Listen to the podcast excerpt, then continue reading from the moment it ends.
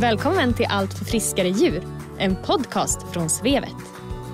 Det här är podden för dig som jobbar inom djurens hälso och sjukvård.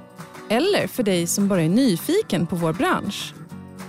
Vi strävar efter att varje avsnitt ska ge dig som lyssnar ny kunskap och inspiration. Jag heter Nathalie. Och jag heter Maria. Följ med oss när vi träffar spännande gäster från alla hörn och kanter av veterinärbranschen i Sverige. Tillsammans gör vi ju allt för friskare djur.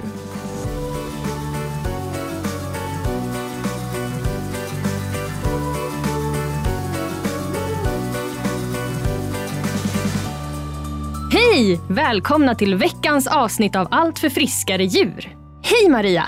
Hej, vad härligt med ännu ett avsnitt. Ja, och idag så är vi i Stockholm på Clarion Hotel Sign och lånar deras podcaststudio. Det känns ju extra lyxigt faktiskt. Mm, eller hur? Och såklart har vi en härlig gäst med oss idag också. Det stämmer. Vi har med oss Anna Forsblom, som nog är ett bekant namn för många av oss.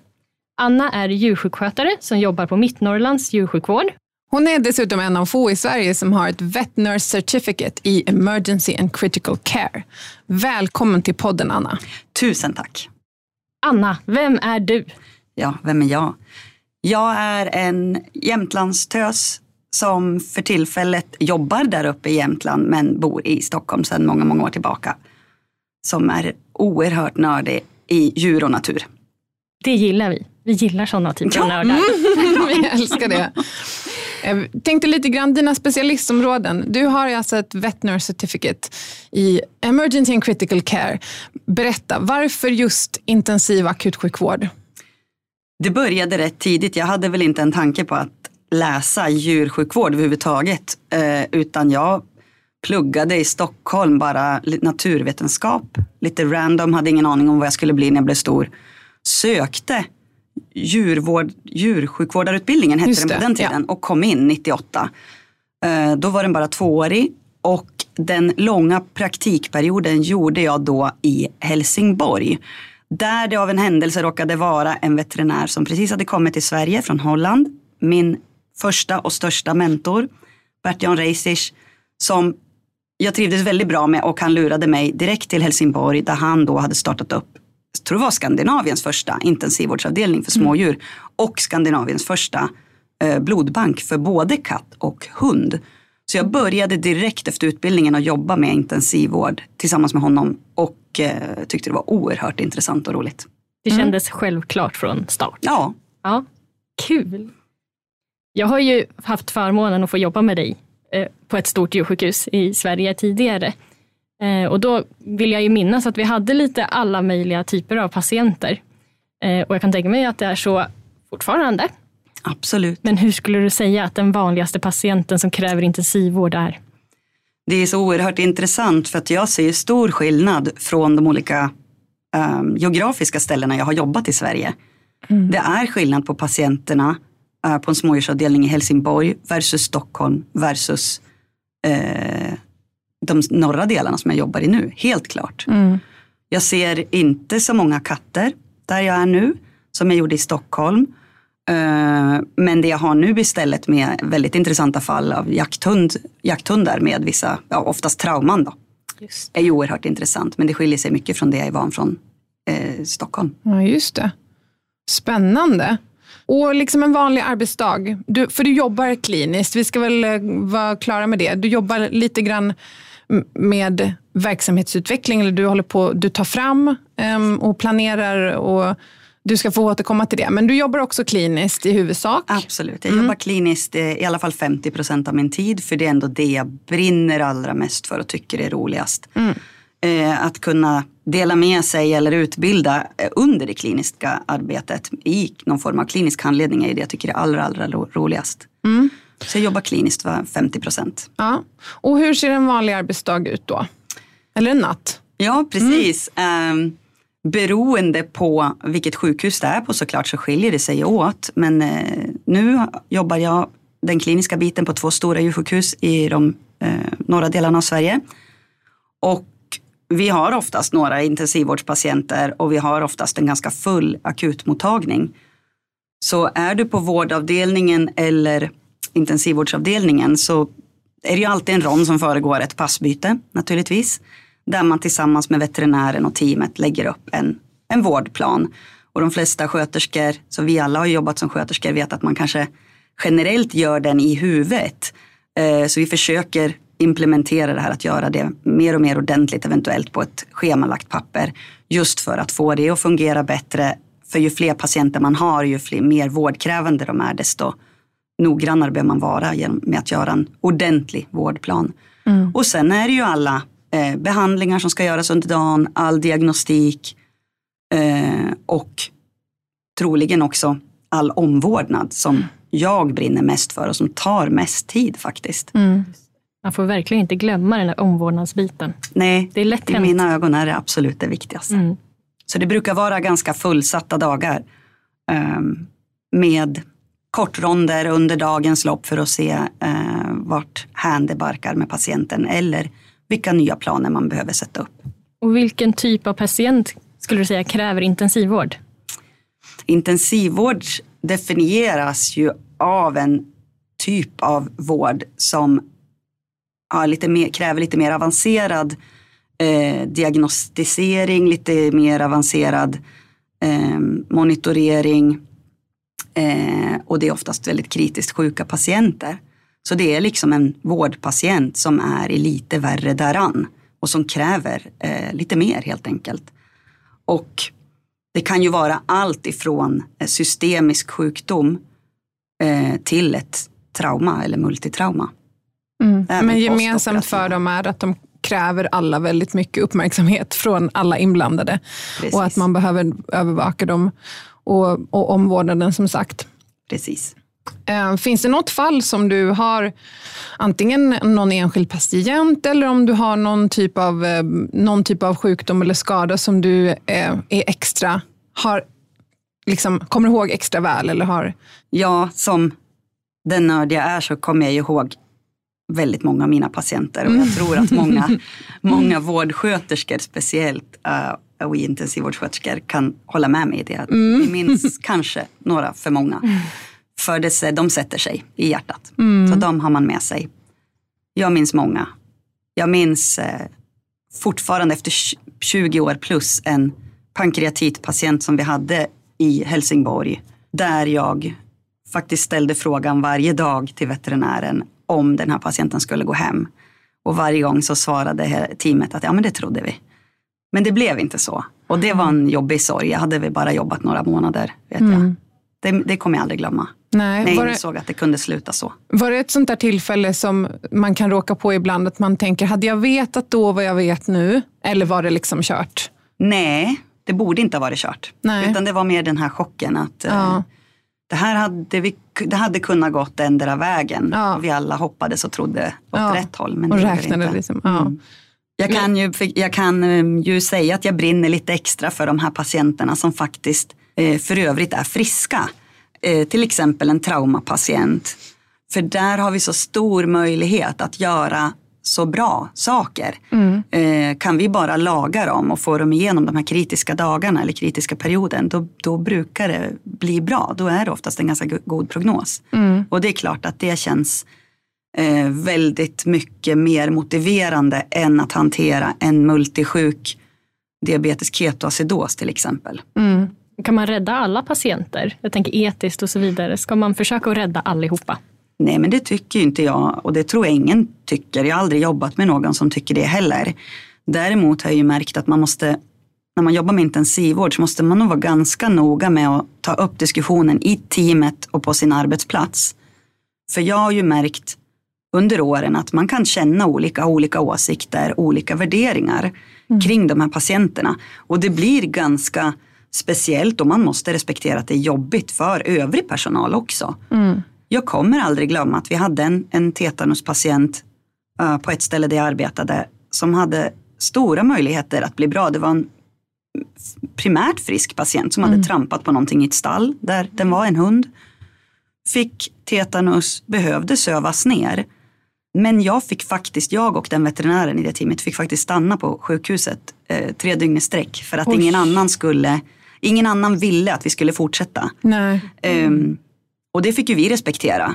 Mm. Men den vart ju bra och mm. överlevde. Mm. Det var ju en för övrigt frisk patient. Och jag tycker mm. en sån patient i mina ögon är mer rättfärdiga, mer intensivvård och vi har alla möjligheter att hjälpa den och det var svårt att förklara att den lider faktiskt inte när den är sövd. Nej, just det. Övrig personal. Nej. Medan vi behandlar många, många leversviktspatienter och njursviktspatienter mm. som sitter och konstant mår illa, konstant ser lite ruggiga ut och som faktiskt aldrig kommer bli friska. Mm. Jag kan ju tycka att det är svårare med dem men av kultur har vi ju behandlat dem. Det går ju att ge dem ett bättre kvalitet på livet naturligtvis men jag tycker att man ska förstå, eh, försöka förstå och diskutera öppet på arbetsplatserna så att mm. hela teamet är med på vad man gör. Tycker du att eh, attityderna har förändrats kring det här under hela den tiden som du har jobbat? Både från kanske djurägare men också kollegor. Liksom. Hur, hur långt Absolut. man ska gå, vad man kan göra. Absolut. Jag tycker kanske inte att eh, approachen inom veterinärmedicin har förändrats så mycket mer än att vi har upptäckt att vi kan göra så mycket mer. Mm. Vi kan öka kvaliteten och vi kan göra det så mycket bättre för patienterna, inte minst genom den fina smärtlindring vi använder oss av idag. När jag började för 20 år sedan jobbade vi inte med analgesi på det här sättet vi gör nu. Nej. Så vi kan göra mycket mer kvalitativ eh, intensivvård. Men däremot märker jag att djurägarna på vissa delar eh, kräver mer, ibland kräver saker som vi faktiskt inte utför i Sverige. Mm. Så att de har ibland högre krav än vad vi kan eh, tillgodose. Men det ska helst inte då kosta så mycket. Mm. Och när man pratar om intensivvård då är det lätt att prata om de stora djursjukhusen som faktiskt har vårdavdelning, intensivvårdsavdelning och så vidare. Men om det kommer en kritisk patient till en mindre klinik, vad kan de göra i första steget? De kan göra jättemycket. Jag eh, tycker hemskt mycket om att försöka åka ut till en del mindre ställen och hjälpa dem komma igång och få kunskapen om, inte att de inte har kunskapen, de har kunskapen och kompetensen, de vet bara inte om det. Och hjälpa dem med den idén.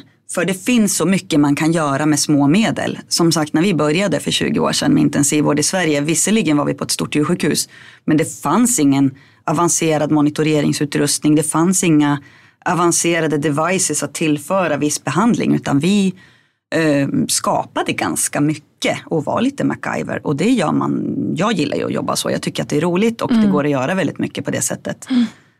Eh, så att man kan göra mycket på den lilla kliniken.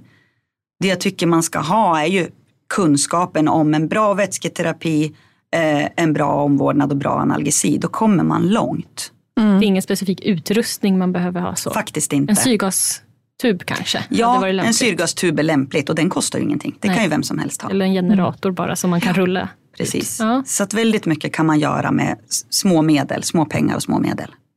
Så då kan vi vara överens om att man inte behöver så mycket utrustning egentligen på varken den stora eller lilla kliniken. Så. Nej, det underlättar ju enormt mycket och när man gör det riktigt avancerat på de stora sjukhusen dit remisserna då förhoppningsvis hamnar.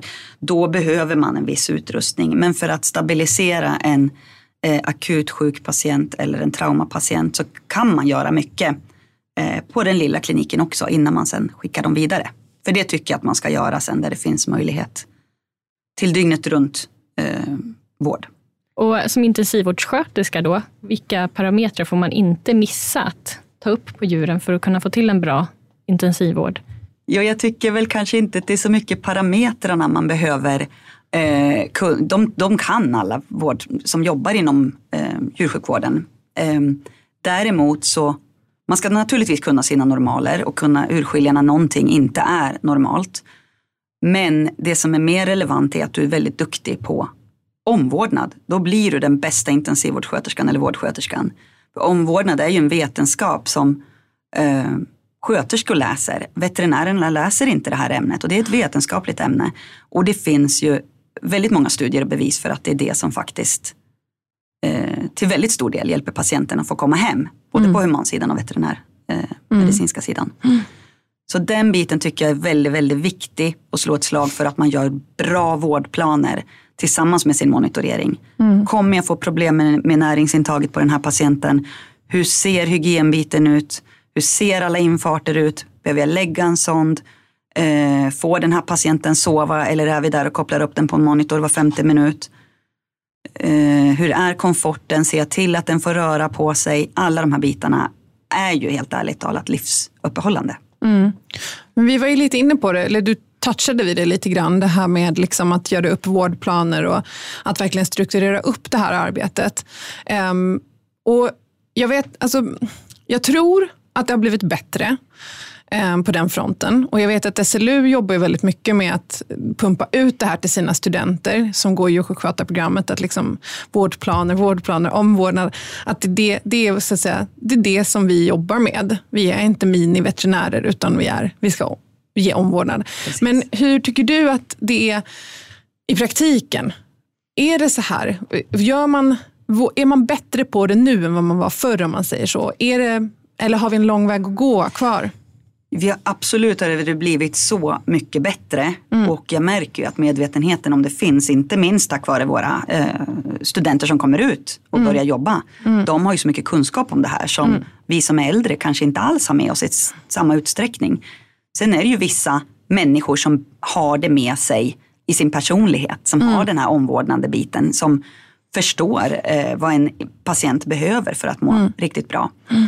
Men absolut så behöver vi bli bättre. Mm. Vi behöver bli bättre.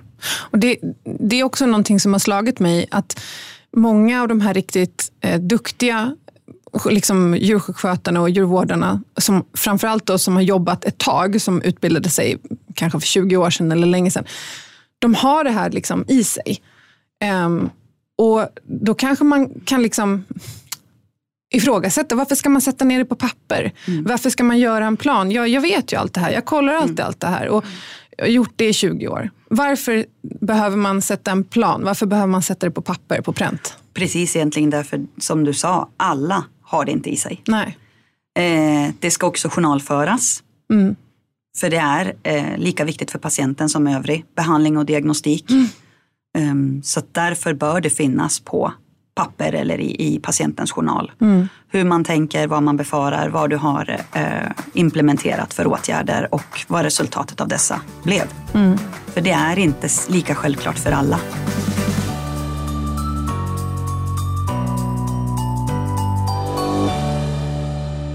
Anna, eh, hur får man ihop ett bra team på en intensivvårdsavdelning? Vilka krävs för att det ska bli ett bra arbete och resultat? Optimalt så önskar ju jag eh, en intensivvårdsveterinär som bara är med de patienterna under dagen. En eh, intensivvårdssköterska som faktiskt har eh, både den teoretiska och reella kompetensen i just intensivvård och förhoppningsvis också en eh, djurvårdare med i teamet som också har specifikt intresse för intensivvård. Då är man ett riktigt bra och starkt team där man kompletterar varandra väldigt väl. Det är receptet för ett dream team på intensivvårdsavdelningen. Det, det tycker jag. ja, det ja. låter väl jätteklokt. Ja, verkligen. Nej, det är jätteintressant um, och spännande. Vi tänkte prata lite grann också om din um, utbildning, eller rättare sagt din, dina karriärval och hur du har hamnat där du är. För det är en ganska Eh, det är klart att det krävs väldigt mycket erfarenhet. Det krävs um, att man är väldigt intresserad och um, att man så att säga har det i händerna. Men man ska inte underskatta den formella kompetensen och du har läst ett antal vidareutbildningar och håller på med en. Kan du berätta lite om dem? Absolut. Jag har ju under åren utbildat mig via stora intensivvårdskongresser främst. Um, mycket tack vare mina mentorer som har peppat och pushat. Ibland har jag betalat själv. Ibland har min arbetsgivare eh, sponsrat mig. Men det är ju någonting jag verkligen rekommenderar att åka på de här stora, antingen europeiska eller internationella intensivvårdskongresserna. När man är intresserad av just det. Men sen sökte jag någonting där jag kunde vidareutbilda mig och faktiskt ha någonting på papper. Eftersom jag pratar en del om intensivvård kände jag att jag måste ha något bakom mig. Mm. Inte bara vara jag.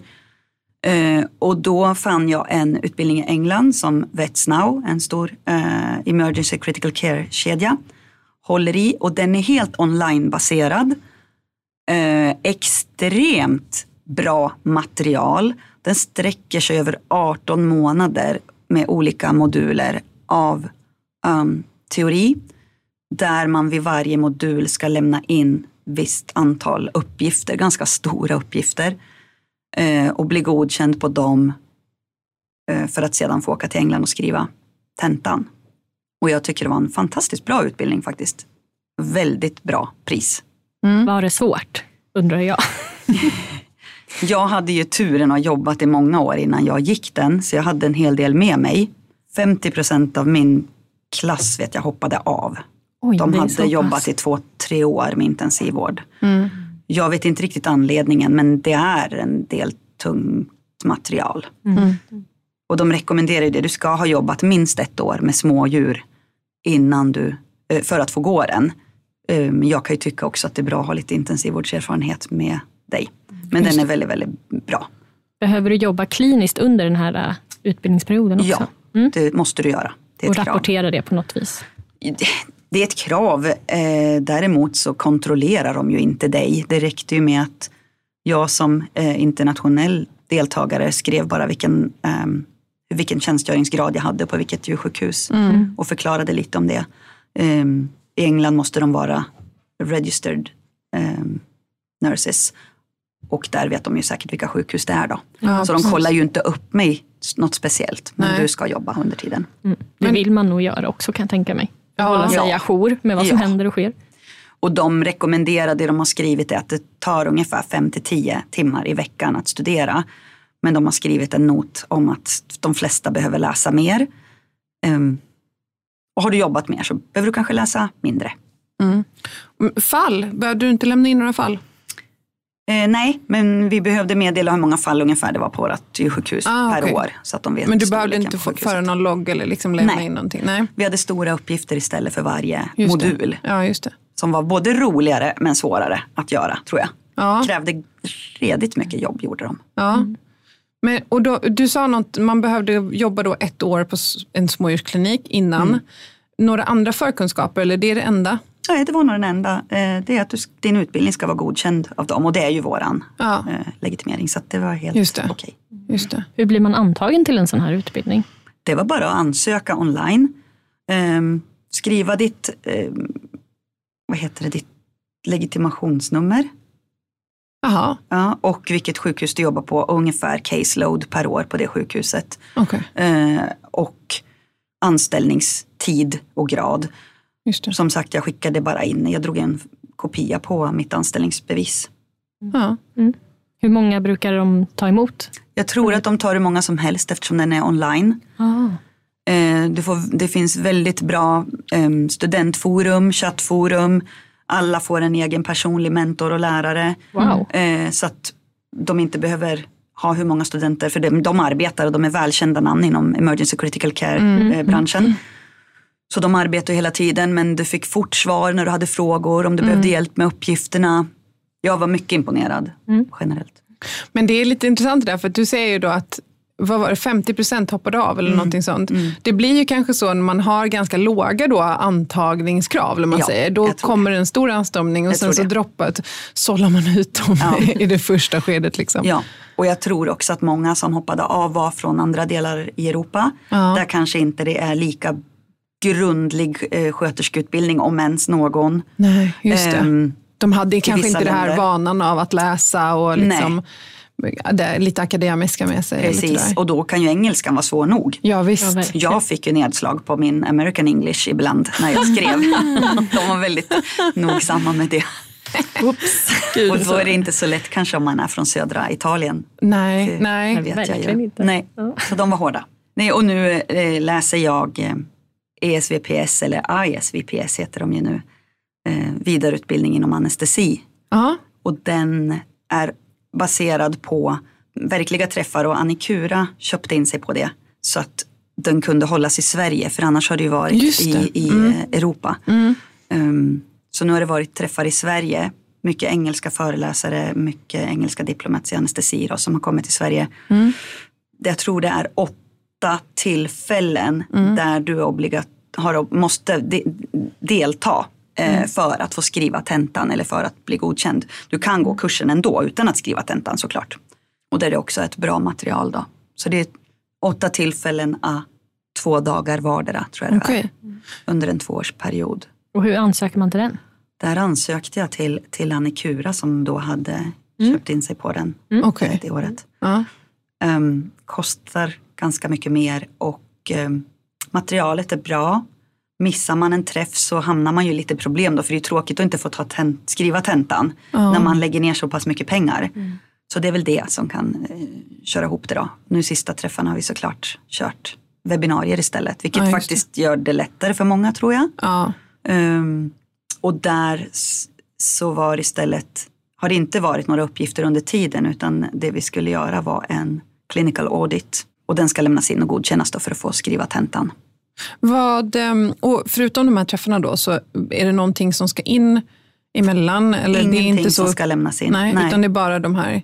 Här clinical Ja, auditen så det är lite annorlunda än den Mm. första. Liksom. Vad, vilket upplägg tycker du har funkat bäst? Vetsna och överlägset det bästa eh, utbildning jag har gått, bästa materialet. Ja. Eh, oerhört bra måste jag säga. Ja, Mm. Spännande. Då rekommenderar vi den Ja, verkligen. Ja. Ja. Om man vill fördjupa sig under så lång tid i alla fall och ha det här eh, certifikatet. Då, för det är ju ändå, ni är inte så många i Sverige som har ett sånt.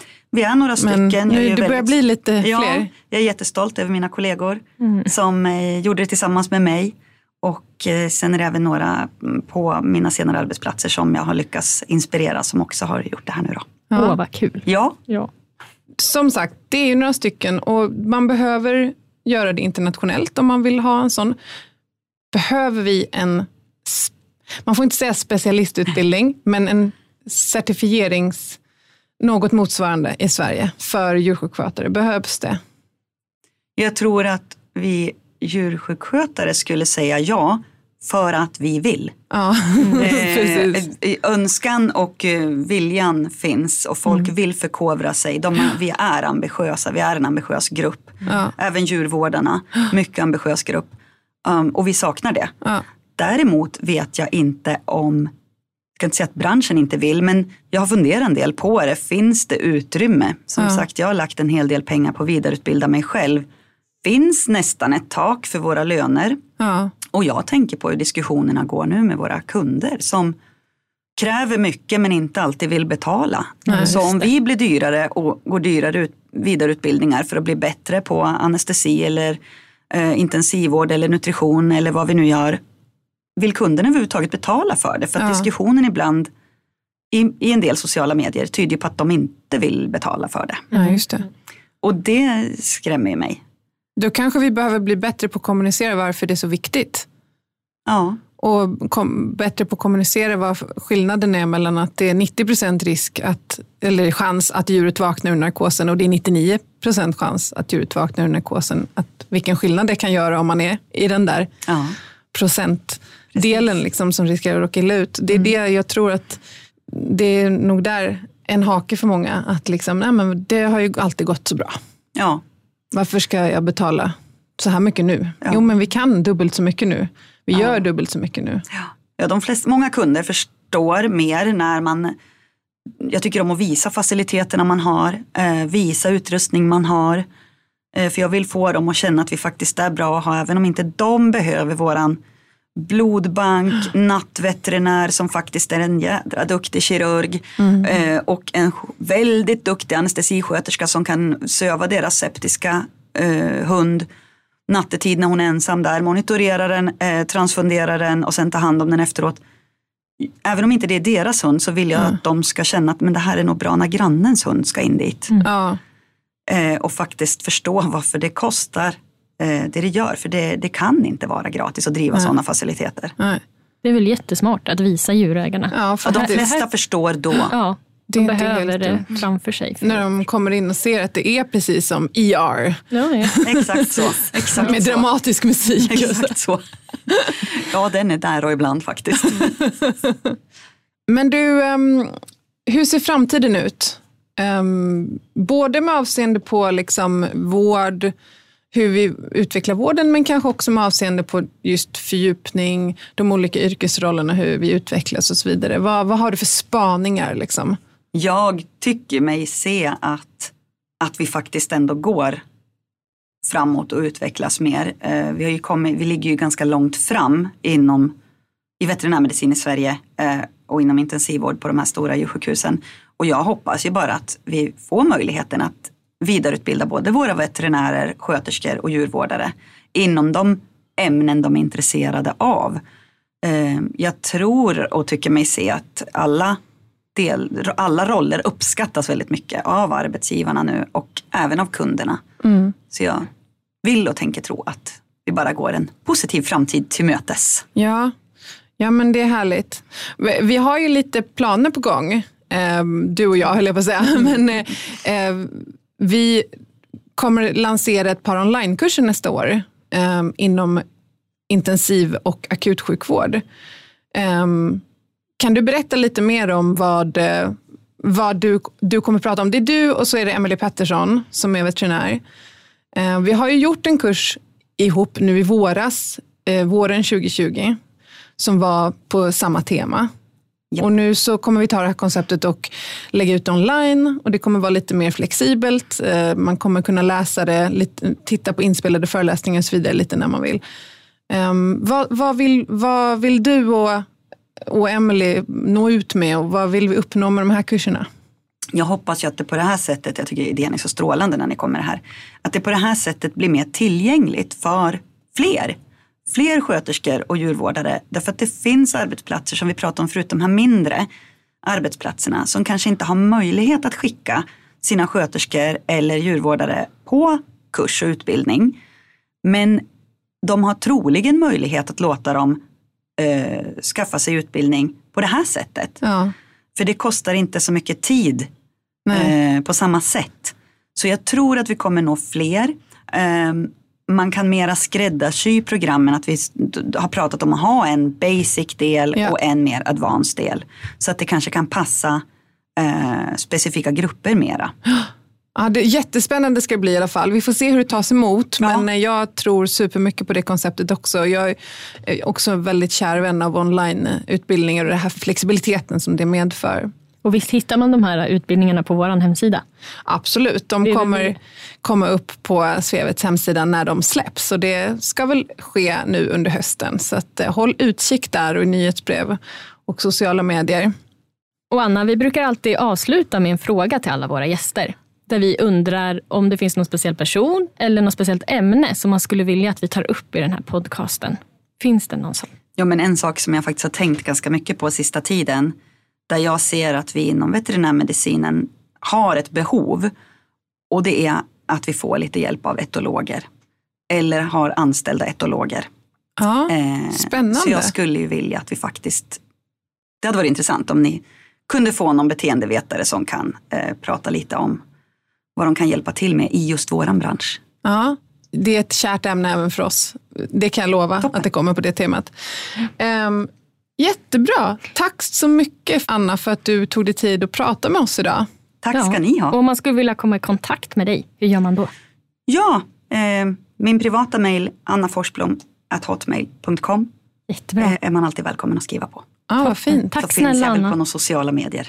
Ja. Och så. Och det gör vi också. Facebook och Instagram. Jajamän.